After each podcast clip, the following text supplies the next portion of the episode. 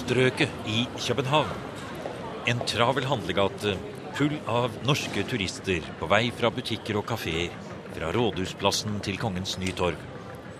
Det er ikke helt utlandet, men vi er i et annet land. Hadde vi gått her for et par 300 år siden, hadde det fortsatt vært mange nordmenn her. Og vi hadde vandret rundt i en by som også var Norges sentrum. Kanskje var København mer kosmopolitisk den gangen enn i dag.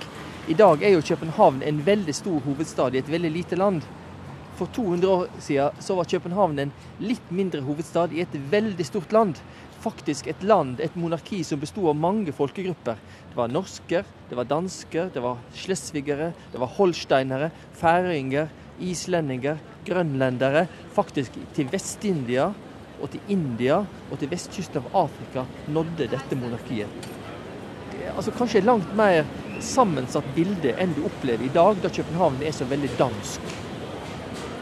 Dette er magister Øystein Ekerhold fra Nidarosdomens restaureringsarbeider i Trondheim. Han skal i dette programmet ta oss med på en litt annen vandring rundt i dobbeltmonarkiets hovedstad. Vi skal få se at det fortsatt i dag ligger mange spennende tråder av norsk historie, bokstavelig talt begravd her i København. Og kanskje får vi et litt annet bilde av forholdet mellom det fattige Norge og det mektige Danmark. Vi er jo blitt opplært mange til å snakke om 400-årsnatten og mørketid og den danske velde og sånn, men egentlig hadde Norge det ganske bra eh, i denne dobbeltmonarkiske perioden.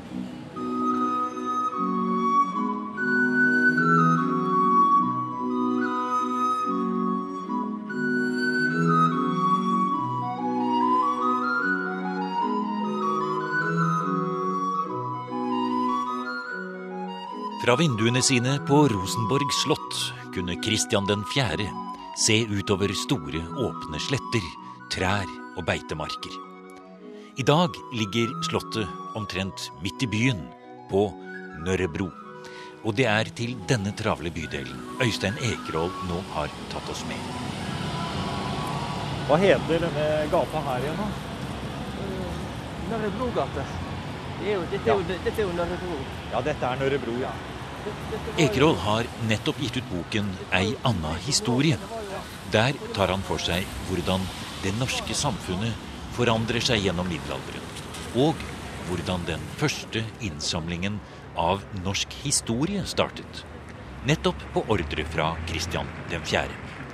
Hvordan det foregikk, og hvordan kongens livlege Ole Worm la grunnlaget for Nordens første museum, det skal vi høre mer om i neste program.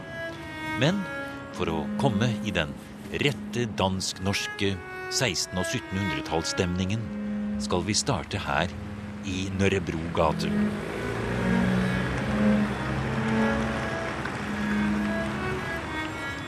Og her skal vi inn i Dødens hage.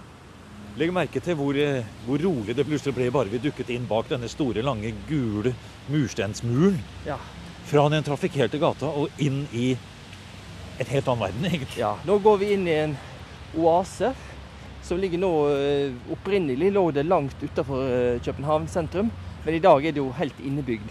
Men det er en svær, et svært område som det heter Assistens kirkegård. Ja. Oi sann, her har det blåst.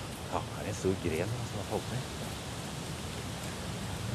Bakgrunnen assistens, det er jo, betyr jo det samme som assistent. Ja. Altså, på slutten av 1700-tallet så var tilstanden inne i sentrum av mange byer blitt så uutholdelig når det gjaldt spørsmålet om begravelse av de døde. Eh, gravplassene var overfylt. Det var altså et, virkelig et helsespørsmål. Og så ble det da bestemt at som en avlastning skulle man da begynne å etablere assistentkirkegårder, eller avlastningskirkegårder, vil vi ha sagt i dag, uh, utafor byen. Og til å begynne med så slo dette veldig dårlig an. Uh, ingen av de riktig fornemme hadde lyst til å bli begravet så langt ifra byen. Uh, så det var helst de fattige som benytta anledninga. Men så var det da et par ildsjeler som da bestemte at de ville bli begravd her. Og da brøt de på en måte det sosiale stigmaet det var Og så, omkring 1780, så ble altså assistenskirkegården virkelig det mondene plassen å bli begravd i København. Slik at hele den danske eliten fra slutten av 1700 og langt inn på 1800-tallet ligger begravd her. Ja, nettopp. Det er på en måte som vår, vår frelsers gravlund i Oslo. Og vi ser rundt her noen kister holdt jeg på å si, er satt ned i her utenfor selve hovedstedet. Og det står noen steder så står det bare noen store jernplater i veggen bortover. Men her ser vi et spesielt minnesmerke, Ekerhol. Dette er virkelig interessant i norsk sammenheng. Vi skal gå litt nærmere også, Ja. Dette er et eh, gravmonument over en familie som spiller en stor rolle, særlig i trøndersk historie.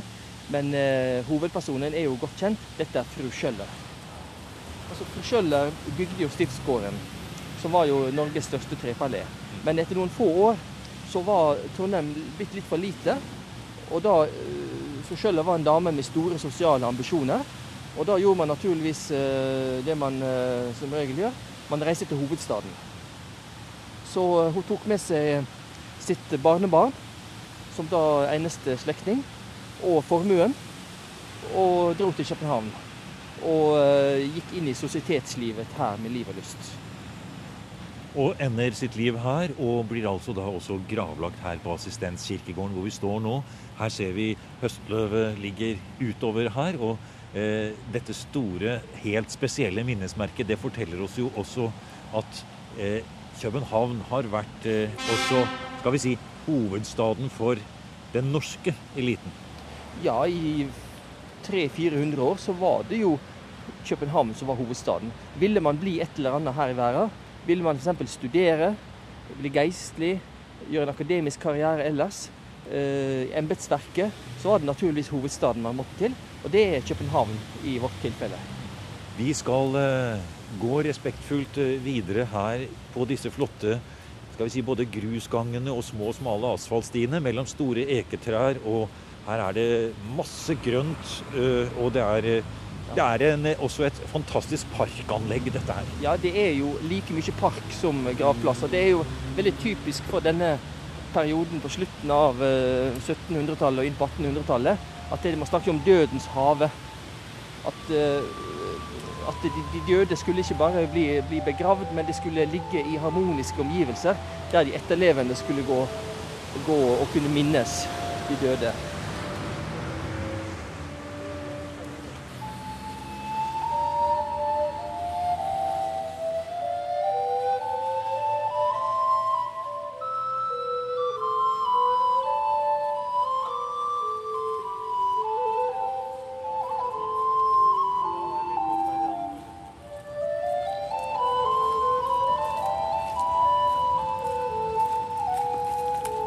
Alt som har med begravelser og graver å gjøre, er jo blitt veldig både privatisert og anonymisert i de siste to-tre generasjoner.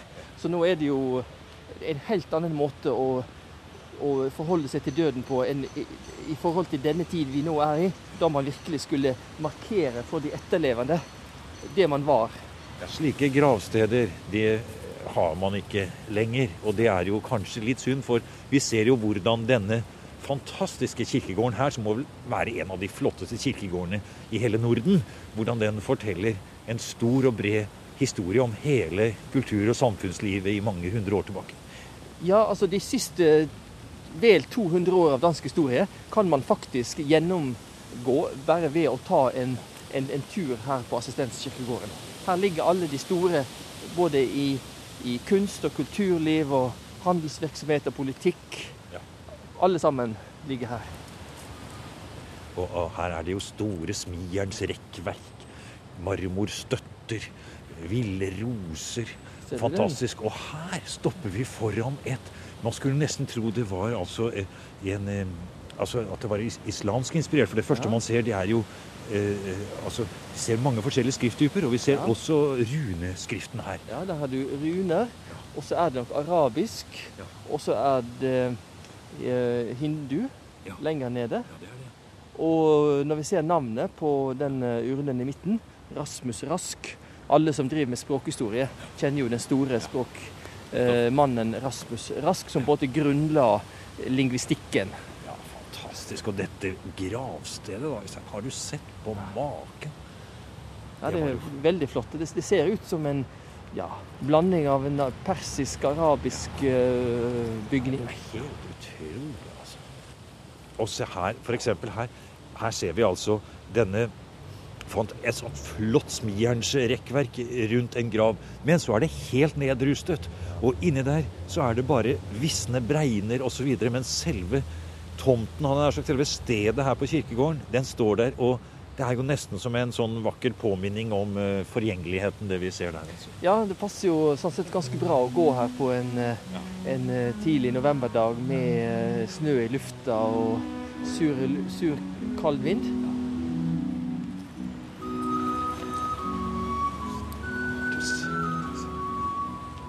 Det er som en, en labyrint av historiske tråder da, med navnene på de største familiene i Danmark og Norge her. Folk gjort å gå seg vill her. Ja.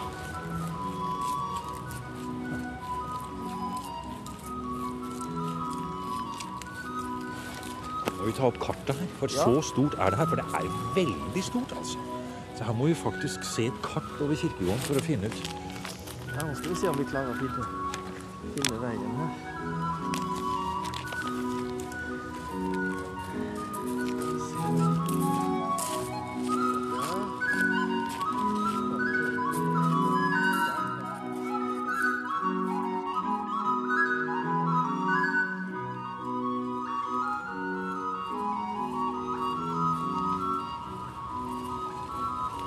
Ikke et menneske har vi sett siden jeg har gått inn her.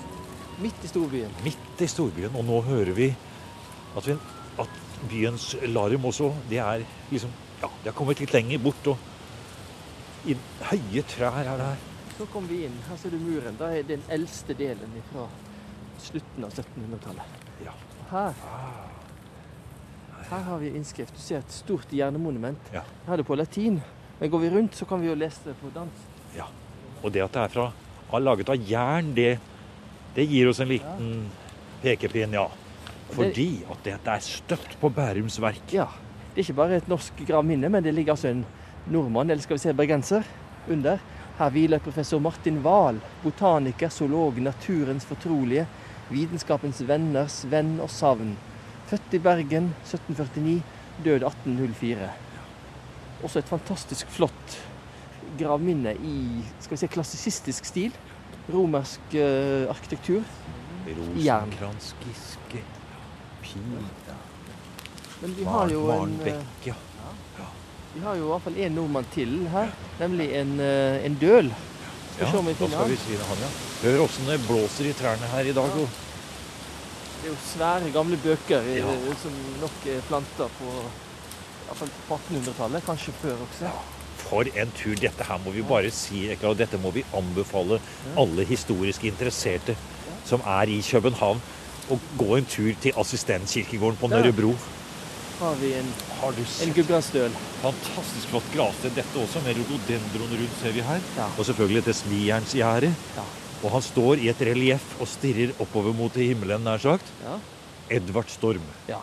Han var jo prestesønn fra Vågå, og han er jo mest kjent for sine viser på dølemål. Oss har gjort hva gjøres skulle, f.eks. Ting som lever den dag i dag. Han var vel en som eh, eh, liksom Johan Herman Wessel og disse som kom til København for å studere, og så ble han litt fanga av storbylivet og kom nok aldri særlig langt på en karrierevei. Stormius elusinune tenet arapius. Vi kan vel ikke akkurat ta det sånn på strak arm, Nei, dessverre. Det, men eh, det handler om eh, evigheten og helligheten og Ja. døden, dette her. Ja, han, eh, at han er på de eliseiske marker. Ja, det Ja, kan vi se. altså han er i himmelen. Ja.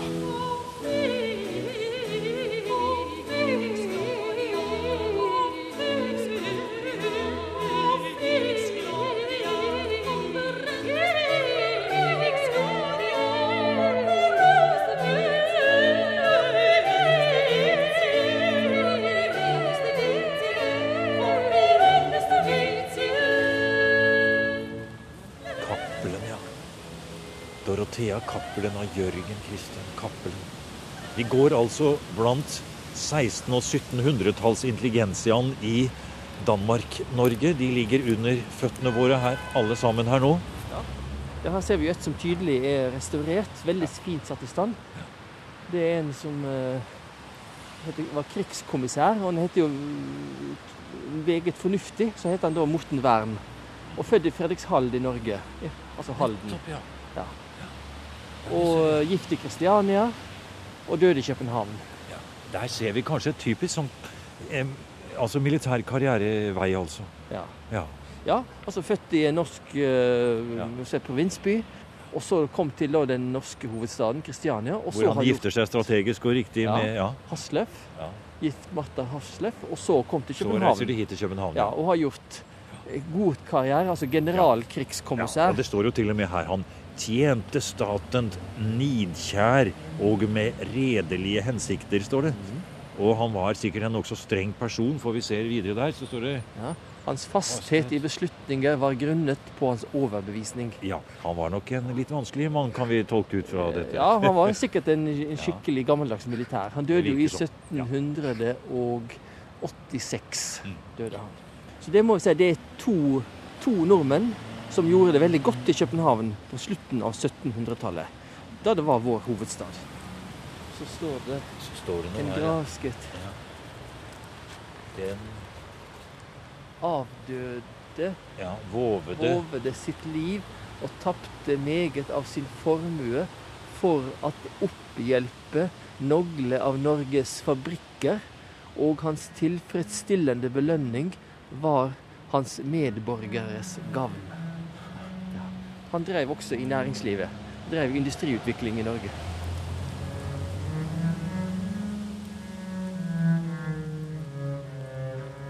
Her forlater vi assistenskirkegården og lar geheime konferanserådinne Marta Hasløv, krigskommissær Morten Wern, fru Schjøller, Edvard Storm og de andre dansk-norske personlighetene sove videre i denne historiens æreskirkegård i Dødens hage på Nørrebro. Det er ikke så lett å forlate dette stedet, for her kunne vi ha fortapt oss i enkedronning Dagmars russiske kosakker, funnet graven til H.C. Andersen, filosofert ved Søren Kirkegårds hvilested og lett oss fram til historikere, musikere, diktere og personligheter som alle har satt spesielle spor etter seg. Vi skal avslutte vårt besøk i Dødens rike med å ta turen tilbake til sentrum av København. Øystein Ekerhold tar oss med ned i havneområdet, bare noen hundre meter fra de travle turistgatene. Her ble den tyske kirken bygget på 1700-tallet, eller Kristianhavns kirke, som den heter i dag. Og her er det jo også Det er jo ingen gravplass synlig. Men til gjengjeld så ser du at det er en, en høy underetasje her. Ja, Og i den så er det altså stadig full av kister. Og her finner vi da en av de mest kjente menn både i Danmark og Norge, på vitenskapens område iallfall, nemlig Peder Fredrik Zoom. Og ikke minst hans kone Karen Angel fra Trondheim. Så kan vi stige inn. Nå går vi inn i kryften under her, og lysene slo seg automatisk på. Det står lys bortover hele, og store, tunge sarkofager ligger her. Og gitter, jerngitter. En ekte, faktisk, eh, likkjeller, dette her. Ja, og denne, denne blir stadig eh, brukt. Her kommer det en del, iallfall urner, blir satt ned i, i kjelleren her. Men Karen Angel var altså Norges rikeste gifte. Uh, var enearving til eh, en stor kjøpmannsformue. Og eh, den onkelen eh, var vel mest kjent, Thomas Angel. Men, og faren Lorentz eh, Angel. Og eh, trengte jo da naturligvis noen å gifte seg med. Og en del av byens eh, damer slo seg da sammen og fant ut at det de måtte hjelpe til. Og eh, via familiekontakter så visste de om en, en ung, pen adelsmann av god familie altså, i København, men fattig. Han kom oppover, og det gikk veldig fort. Etter tre uker så var han og Karen forlova, og det ble gift litt seinere. Da er vi i 1751, og sammen med Zoom opp til Trondheim, dro faktisk eh, hans nye, gode venn Gerhard Skjønning, som da var blitt utnevnt til rektor ved Trondheims katedralskole. Og disse to, denne reisen oppover, ble på en måte starten på den moderne vitenskapen i Norge. For disse kom da til Trondheim, og så kom da en tredje mann som både utfylte dette. Det var biskop Ernst Gunerius. Og disse tre stifta jo da etter noen år stifta jo da Det kongelige norske vitenskapers selskap i 1760.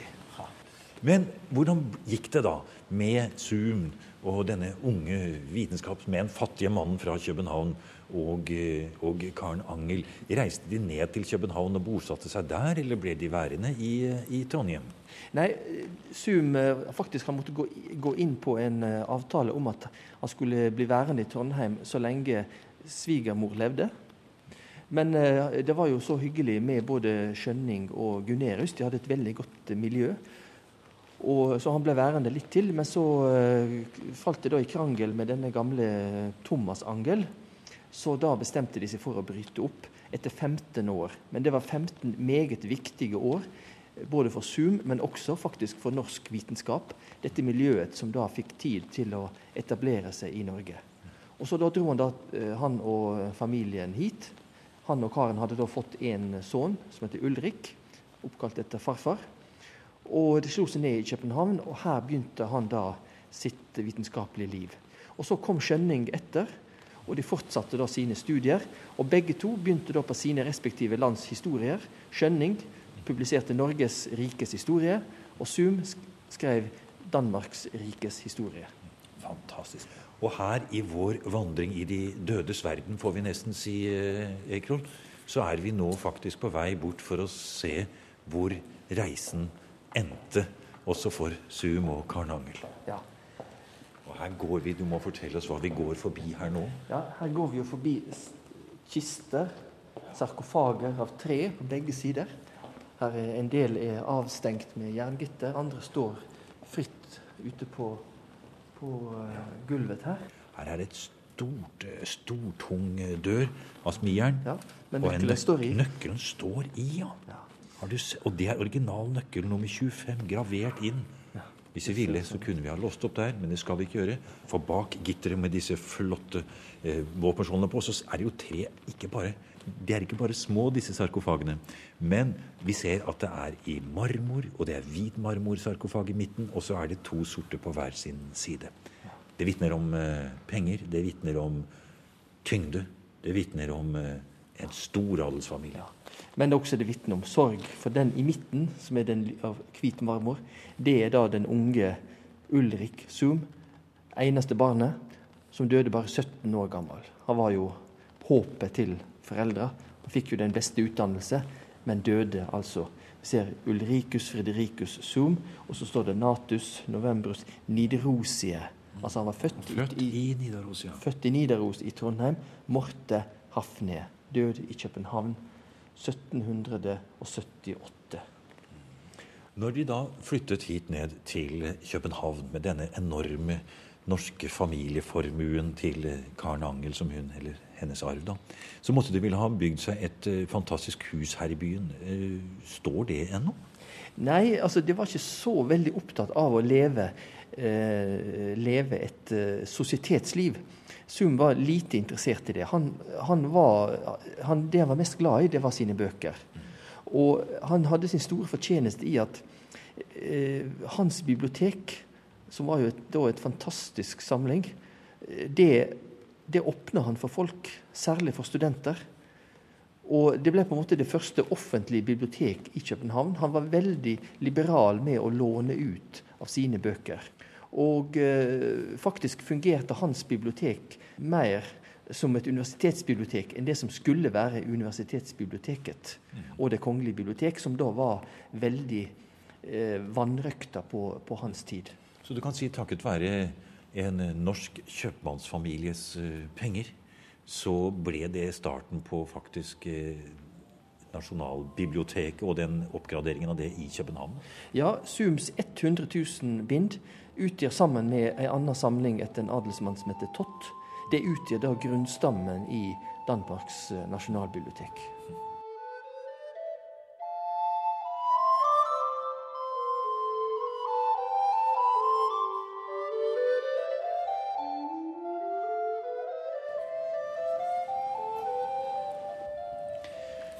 Vi går her og, og tenker på det Ekerhol her. Vi går og leser på de forskjellige inskripsjonene osv. Og, så og så går vi her og bare nær sagt faller i staver over hvordan det nesten er mulig å få til dette i en så stor og moderne by. Kistene står åpent rundt hele. Ja, Det er veldig merkelig, men det er veldig vakkert. Det er en, en oase midt i storbyen. Meget spesiell plass. Stor smijernsport og en tung trapp går vi opp her nå. Ut igjen i København.